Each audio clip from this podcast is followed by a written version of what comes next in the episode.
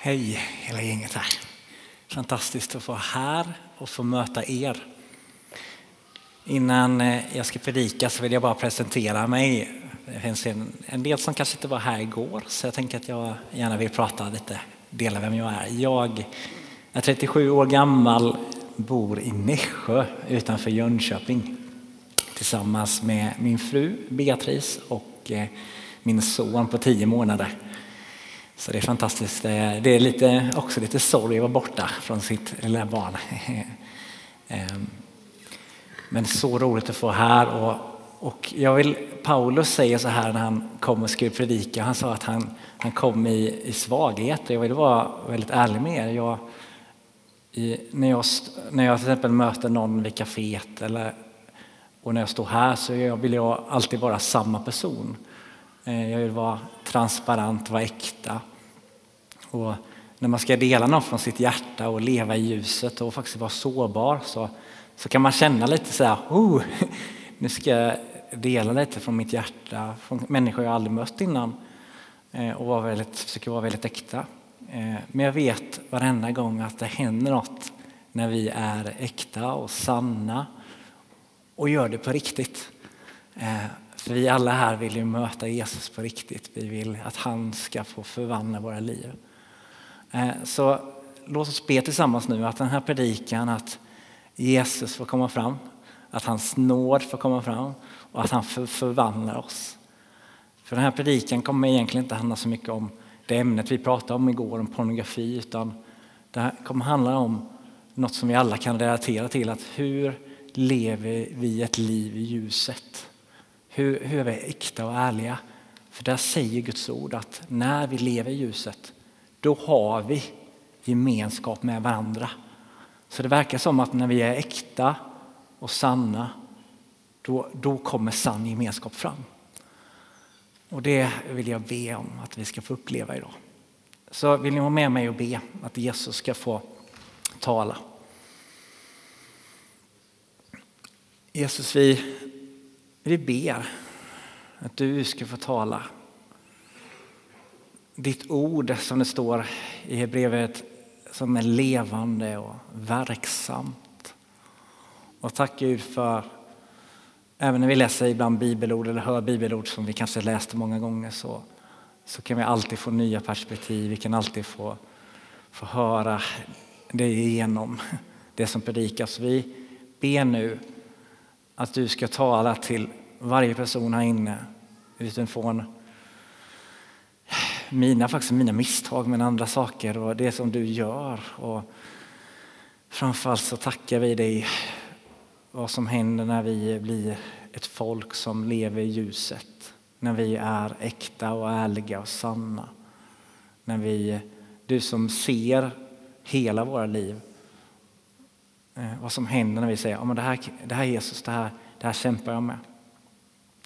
Men tack för att vi kan vara sanna för vi vet att det finns en nåd som förvandlar. En nåd som sätter oss fria. En sanning som sätter oss fria. Tack för att du ska nu få tala. Eh, även när jag känner mig lite nervös nu och lite bruten så kan du få tala genom mig. Jag ber att det som är från dig ska vara kvar i oss. Och det som är, inte är från, från dig eh, kan vara något som vi faktiskt kan få glömma. Men att det som är från dig Jesus ska få stanna i oss och bära god frukt. Amen. För den som vill kan få eh, fortsätta blunda så ska jag läsa dagens bibelord och det är frivilligt. Men ibland kan det vara skönt att bara få blunda och så lyssna på texten. Så om det känns okej okay för dig får du gärna blunda. Och så ska jag läsa eh, bibelord från första Johannesbrevet.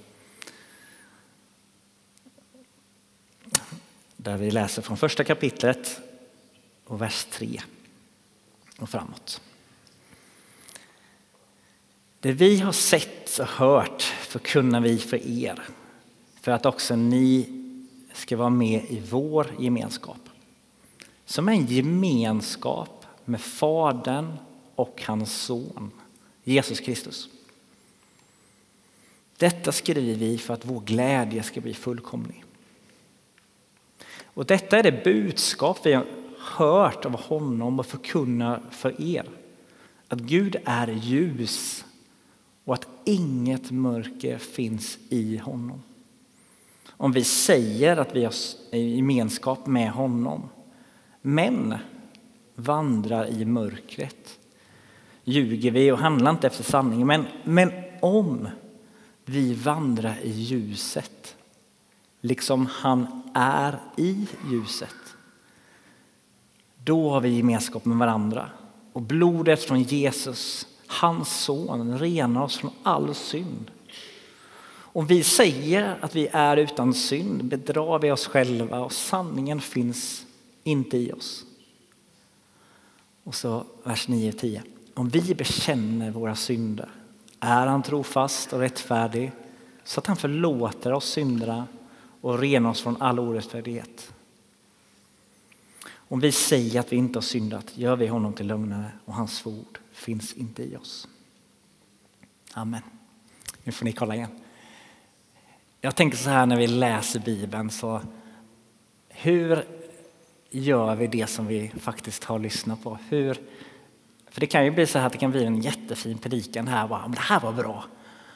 Men det som är det viktigaste är, är vad händer efter? Vad händer när vi fikar? Vad händer när vi kommer hem? Eh, vad händer i våra vardagsliv? Och hur kan vi leva ut det här på riktigt? Hur kan vi leva i ljuset? När jag möter människor i mitt arbete på Starta om som stöttar människor i pornografimissbruk eller att de ska komma ut ur det så säger flera personer att något som de älskar det är det här med äkthet, att vara sann och äkta och när människor vågar vara sårbara och säga som det är, att det, det skapar en attraktion. Och jag tänker att tänk om vi kan få vara en sån gemenskap som vågar vara ärliga med hela livet. För Jesus säger så här att Gud är nära dem som har förkrossade hjärtan. Han är nära dem som vågar vara helt ärliga och säga som det är. Ehm, en del som var här igår fick höra lite om min en berättelse, vad jag har fått kämpa med i mitt liv. Och jag vill inkludera det som inte var med och bara dela lite, lite kort vad jag varit med om. Ehm, jag jobbar ju då med att starta om Frälsningsarmén och få möta varje vecka Eh, människor som vill rädda sina äktenskap, människor som för första gången berättar att Christian, jag, jag brottas med pornografi. Jag har kämpat i 30-40 år. Min fru vet inte om att jag är smyg inne på filmer och ser sidor som inte är så bra. Och så är de jätterädda i att vad kommer hända om jag nu säger det här? Kommer de vilja skilja sig? Eller vad händer då? Liksom? Och jag sitter där vecka efter vecka, får möta de här männen och min kollega Johanna får möta kvinnorna. Och det gör något med dig. Och jag känner så här, tänk om vi som kyrka, som faktiskt har nåden, vi har sanningen men vi har också nåden, och får möta dem med förlåtelse som är så svår att förstå här, men som är så fantastisk. I mitt eget liv så brottades jag med pornografimissbruk i runt 15 år. Eh, jag fanns med på konferenser, predikade, jag stod i förbön och bad för många människor. Ehm, pluggade till pastor, jobbade på bibelskola. Och så, när ingen vet, så kunde jag gå in och se på de här sidorna. Jag kände mig så dålig. Jag kände mig så här, älskar Jesus mig? Verkligen. Älskar han mig när jag är inne på de här sidorna, när jag ena sekunden står och tillber Gud och säger Jesus, jag vill följa dig med hela mitt liv. Och sen samma kväll faktiskt gå in på sidor som, som inte är så bra.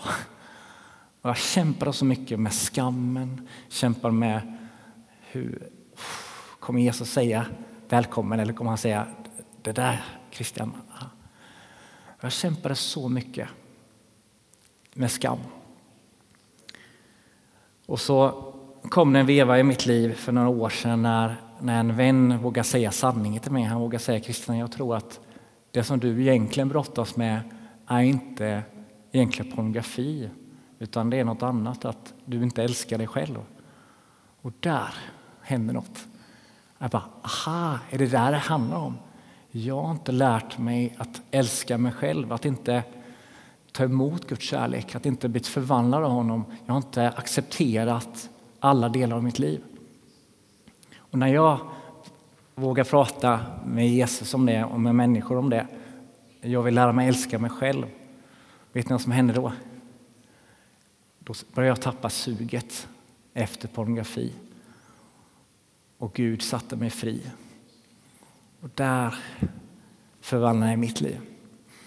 Och vet ni vad, idag får jag förmånen att åka runt i hela Sverige och prata om de här sakerna.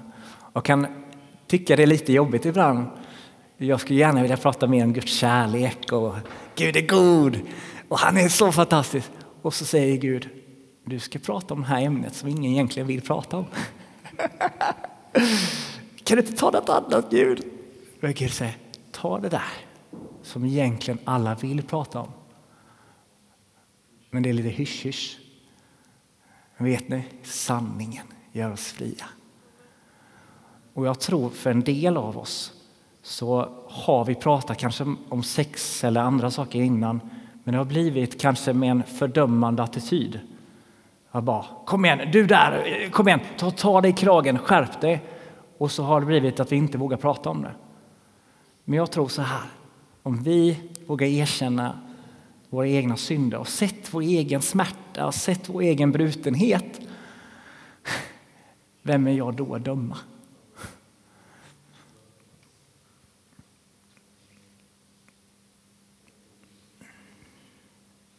Jag vill dela tre saker som jag har fått se på Starta om som, som händer med människor just nu.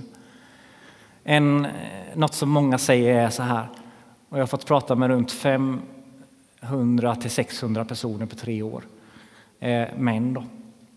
Och något som nästan alla säger, de säger Christian, när jag delade med, det här är min största hemlighet. Jag har inte sagt det här till någon på 20 år, eller jag har aldrig sagt det till någon människa. Och så säger de, när jag delar det här med dig, vet du vad som har hänt efter? Nej, nej. Jag har tappat suget. Alltså jag känner ingen sug efter. Jag börjar, jag börjar må bra. Jag, jag känner mig lättad och jag vågar kolla min fru i ögonen för första gången i 20 år. Jag vågar vara ärlig, jag vågar vara sann.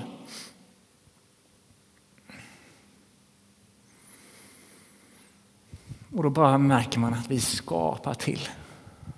För vet ni vad som händer i hjärnan? Om vår, och det här är lite, ni får lite kunskap om hjärnan. Det finns en kvinna som är hjärnforskare, kristen, McLeaf heter hon i efternamn. Hon, hon berättade att om vi ljuger så utsöndras det gift i hjärnan som dödar hjärnceller.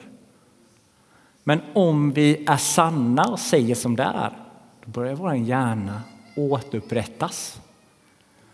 Så det som händer med mig efter 15 år av porrmissbruk är att min hjärna har börjat återställas så jag kan se på kvinnor mer värdigt. Jag kan se på min fru mer värdigt. Jag kan... Förstår ni vad jag menar? Och Gud har gjort något med min hjärna. Han har återställt den. Och det berättar mängder med människor. När de får säga sin största smärta i sitt liv så börjar ljuset sätta dem fria. Nummer två, något som alla säger som jag nästan möter med människor som brottas är så här. Jag trodde det bara var jag. Jag trodde det var bara jag som kämpade med det här. Och så möter man fyra, fem, sex andra män som säger exakt samma sak. Jag brottas också med det här. Jag brottas också med livet. Jag kämpar också. Men jag trodde att det var bara jag. Och jag tänkte, om jag säger det här till någon så kommer ju folk tycka att jag är konstig. Jag var livrädd att säga till andra pastorer eller ledare, vad händer om jag säger att jag kämpar med det här? Och så möter jag många människor i samtal, andra ledare, andra kristna som också kämpar. Och vi alla kämpar på olika sätt med livet. Inte bara pornografimissbruk utan andra saker. Eh, vi om ni håller med mig, men generellt sett så när vi män då så har man ibland tänkt att vi män, och det är många män som pratar med mig som säger att jag som man får inte prata känslor för då är inte jag så manlig. Och så kommer män och vågar säga så här, Christian, jag mår jättedåligt inom mig egentligen, men jag får inte må dåligt för då är jag inte så manlig. Men Gud har gjort oss till människor. Kvinnor har känslor, män har känslor. Och vi alla är kallade att våga vara sårbara och prata om livet. Både det som gör oss glada och det som gör oss sorgsna. Vi har en man som söktes till oss för två år sedan. Han, han berättade för mig i samtal att han kämpade en hel del med, med sin pappa och vågade säga vad han tyckte egentligen. Han kämpade med pornografimissbruk, han tappar suget. Men under den här perioden så känner han så här, vågar jag prata med min pappa om vad som har hänt i livet? Att han har sårat mig, att det har varit rätt tufft. Efter ett tag, efter de här åren, så till slut så vågar han säga till mig, Christian, nu är jag redo för att prata med min pappa. Att, att du var, du var så, det var tufft, du har sårat mig. Och han var så rädd. För vad kommer min pappa säga om jag vågar dela att, jag kanske, att han har sårat mig? Kommer han skälla ut mig? Kommer han tycka att jag är dum? Vet ni vad som händer? De får en, förlåter varandra och får en jättefin relation. Och jag och Johanna får äran att viga dem i somras. Två personer som inte tror på Jesus. Och vi får sitta där i ett bröllop med runt 50 till 60 personer. Ingen tror på Jesus. Och därför får vi predika Jesus som mästare, Herre. Och jag får se hur hans pappa håller tal till sin son och gråter. Och då känner jag, det här, det här är väckelse. Det här är förvandling Jesus gör. Om vi går tillbaka till skriften så kan vi se på Jesus som hur gjorde han? Om vi går till texten vi har precis läst så vill jag skicka med fyra saker. Det första så står det om en gemenskap mellan Fadern och Sonen, alltså mellan Jesus och Herren och Gud Fader. Och vi, om vi kollar på ett stycke i Bibeln, om vi kollar på ett exempel hur Jesus gjorde så kan vi se i, i Lukas evangeliet kapitel 22 och vers 41. Så kommer han till Getsemane när Jesus värsta stund.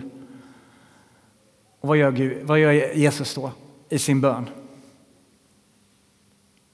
Så här säger han står det. Själv drog han sig undan ifrån dem.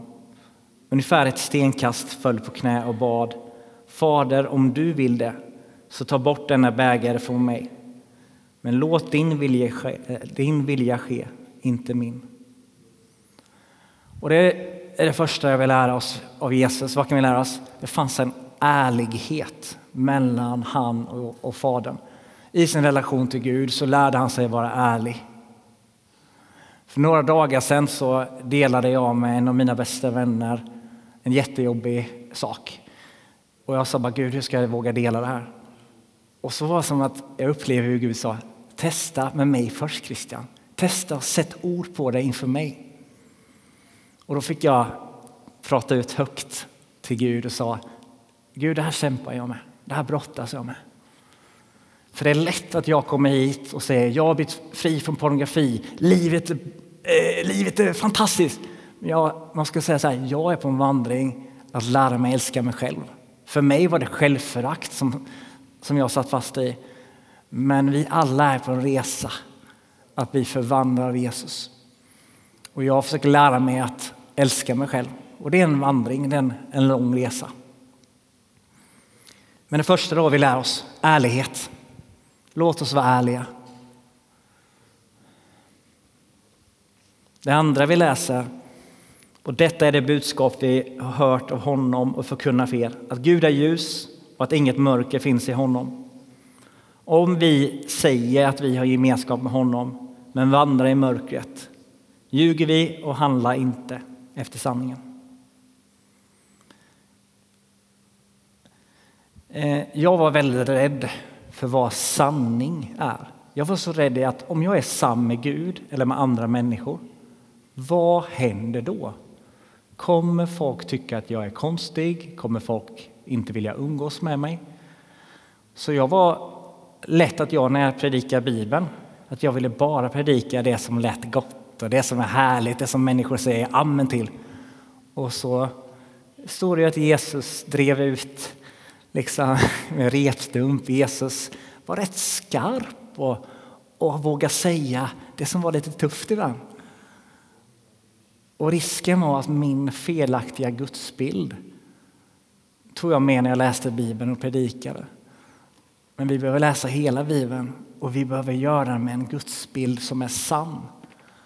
Eh, och det Gud säger är att när vi lever i ljuset då får vi också se vem man är. Det står i, i Saltan, jag tror det är i, kapit, eller i eh, 18, 18 kapitlet där, så står det om att han visar sig ren för den rene och falsk för den som är falsk.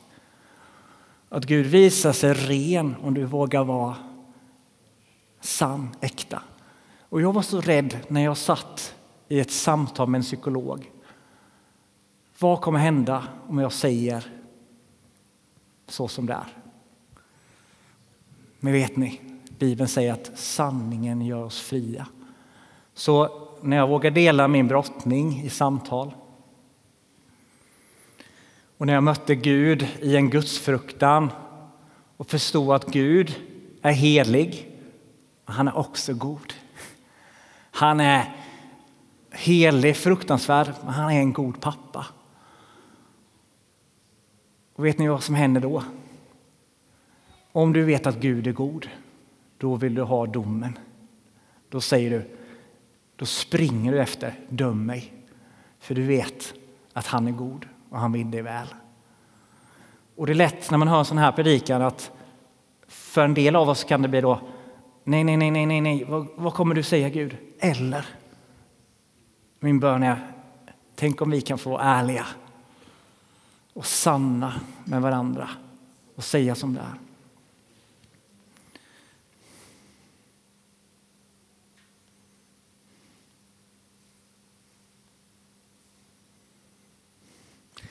Jag vill också vara väldigt ärlig. Jag har varit i sam vissa sammanhang där man uppmuntrar då att vara helt ärlig, helt sann och säga allt.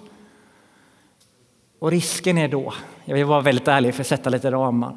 Om vi säger allt till alla utan gränser, risken är då att vi kan skada människor. Så därför vill jag vara väldigt tydlig med att säga vi ska vara transparenta, vi ska vara ärliga och sanna. Men vi behöver göra det med människor vi känner förtroende för, som vi litar på. För risken är annars att vi söker bekräftelse i människor och på något sätt. Och jag tror att det är så viktigt att vi faktiskt, om jag säger det här, kan den här människan möta mig? Kan den här människan ta det här? Och faktiskt lita på människor. Nummer tre, den sista punkten. Men om vi vandrar i ljuset, liksom han är i ljuset, då har vi gemenskap med varandra och blodet från Jesus, hans son, renar oss från all synd. Vet ni det? Man har gjort en statistik, eller en rapport, att om 16 procent i en grupp, vi säger att det är 16 procent av er här som säger så här, jag vill leva som församling där vi är helt ärliga, brutna, sårbara, men vågar på något sätt vågar dela det som skaver i våra liv. Om 16 procent av er säger det där vill vi göra, vet ni vad som händer? Hela församlingen kommer gå åt det hållet. För ibland kan man känna så här, oj, det här vill jag leva, det här. Och så kanske man lätt tänker, oh, men, ah, oj, vem är jag att göra det här? Vem är jag? Vill någon annan det här? Och är jag lite jobbig? Är jag lite så här, om jag tar upp det här jobbiga ämnet nu? Så här. Men låt oss få vara, börja det lilla, våga vara samma med Gud. Och så kommer heliga ande förvandla vår gemenskap. Det är inte vi som ska pressa fram eller manipulera en, en, en gemenskap, att nu måste alla dela allt. Det är inte så jag menar, utan vad händer när helige ande inifrån manar oss att vara sanna och ärliga? Då förvandlar Gud gemenskapen.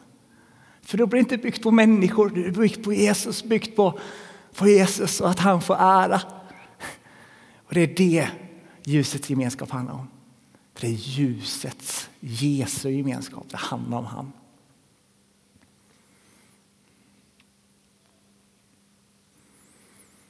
Och det fjärde jag vill skicka med står det, om vi bekänner våra synder är han trofast och rättfärdig så att han förlåter oss synderna och renar oss från all orättfärdighet. Om vi säger att vi inte har syndat gör vi honom till lögnare och hans ord finns inte i oss. Det sista jag vill skicka med innan ni ska få en, en, ett vittnesbörd är att det är lätt ibland, jag, jag, jag, kan, jag kunde kämpa under många år. Kunde jag förlåta mig själv? Det möter jag i många samtal Att folk har sagt jag har levt i en lögn i 20 år. Man kan förlåta, men man, har, man kämpar med att förlåta sig själv. Och tänk om vi som gemenskap, om ni som kyrka i Trollhättan kan få vara en kyrka där vi har fått, förlåtelse, kunna förlåta sig själv och förlåta andra. För jag tror vi, som jag sa igår till en del, det var en som ställde en fråga så här, kan du som ledare, kan du vara ledare och ändå kämpa med det här? Då sa jag så här, alla har vi syndat. Vem är jag? Vi behöver alla kasta vår sten. Jag tror att vi alla behöver gå till Jesus och faktiskt inse vilken fantastisk förlåtelse vi har fått. Jag har skickat med ett bibelord som är så starkt. Vi, vi får det från ett sammanhang där Jesus säger i Lukas 7 47 till kvinnan som har blivit ertappad, som har kommit till gemenskapen. Eh, hon har syndat, hon har en, enligt en del varit en hora. Hon har liksom varit en äktenskapsbryterska, hon är smutsig. Och så säger Jesus så här. Därför säger jag dig, hon har fått förlåtelse för sina många synder. Det är därför hon visar så stor kärlek. Men den som har fått litet förlåtet älskar litet. Och det vill jag skicka med som en utmaning till oss. Om du vågar be bönen Jesus, vill du visa mig hur mycket du har förlåtit?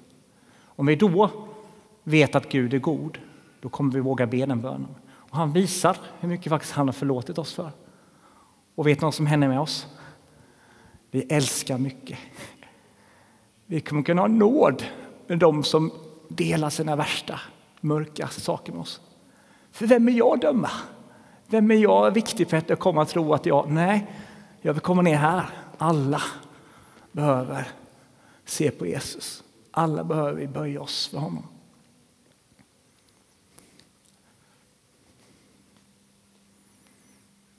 Och vad händer nu när vi fikar här då? För en del av oss kanske känner att jag vill gå hem och prata med min fru. Och det kanske inte gäller pornografi utan det gäller kanske ekonomin i vinter. Och bara känna så här, jag är orolig för hur vi ska klara oss ekonomiskt. Hur gör vi?